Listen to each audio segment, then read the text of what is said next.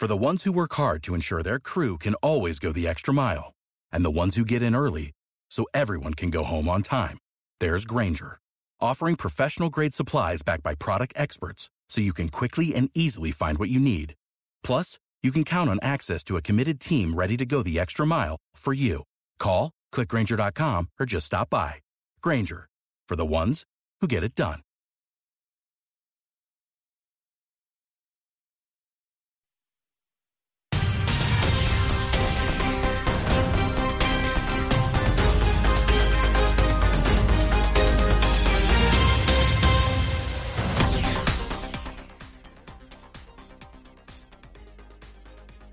Els alcaldes de la Ràpita, Amposta, Sant Jaume d'Enveja, del Tebre, l'Ampolla, Camarles i l'Aldea, que havien de protagonitzar la primera sessió de la comissió, han comparegut aquest dimarts al Parlament amb un missatge de partida en comú, la necessitat d'actuar de forma immediata i que es destinen els recursos necessaris per fer front a una situació de risc i d'urgència. El problema, segons han coincidit, està en que en, moment, en aquests moments hi ha manca de consens, de coordinació o fins i tot d'entesa entre les administracions de la Generalitat i l'estat espanyol sobre les mesures que s'han d'executar i les responsabilitats de cadascú. Lluís Soler és l'alcalde de Deltebre en què el primer pla de protecció que s'acaba aprovant a nivell de l'estat espanyol acaba sent un pla de protecció que ens porta a una derrota per definició. No volem que se pugui acabar convertint en una derrota per definició. Perquè, en definitiva, este pla de protecció que l'any passat vam fer més de 10.000 al·legacions i dels quals, pues, de forma activa, eh, ne, vam, ne vam treballar moltíssimes els propis ajuntaments, ha de ser un pla d'oportunitats, un pla que respecte als sectors productius, un pla que respecte, en aquest cas, a les institucions del territori i un pla que en definitiva acabe agafant de les experiències internacionals el dogma de la necessitat de preservar la línia morfològica de la costa del Delta.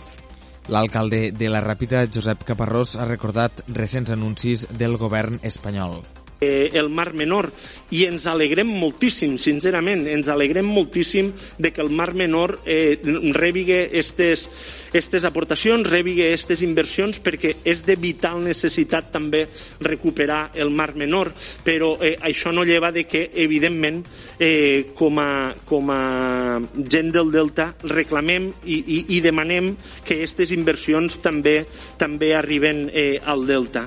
I acabo ja eh, bàsicament fet un, fent un crit d'auxili, un crit d'auxili als diputats i diputades del nostre Parlament perquè el Delta no desapareixerà, sinó que el Delta està desapareixent. L'alcalde de Sant Jaume d'Enveja, Castor Gonell, s'ha mostrat contundent amb l'enfoc de les administracions tant catalana com estatal a l'hora d'abordar els problemes concrets del Delta.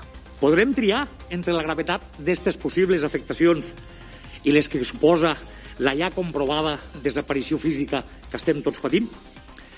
Me preocupa que l'objectiu d'este ecologisme radical sigui aconseguir lo delta del segle XVIII, sense tenir en compte ni els seus habitants ni la seva economia. I encara em preocupa més que aquest objectiu s'hagi apoderat dels llocs tècnics del Ministeri per a la Transició Ecològica i del Departament d'Acció Climàtica. Que sigui l'objectiu d'esta gent que signen els informes. Alguns han manifestat directament. Al Delta no s'ha de fer cap actuació. Té que evolucionar com decideix que la natura. És igual si canvia o desapareix. El director tècnic de la taula de consens, Rafa Sánchez, considera que les 500.000 tones anuals d'aportació sedimentària que necessitaria el delta per mantenir la seva morfologia l'haurien de provenir inicialment de la gestió de les sorres litorals, recuperant-les dels espais on s'acumulen i redistribuint-les. Ja sabeu que podeu continuar informats a través del portal delta.cat.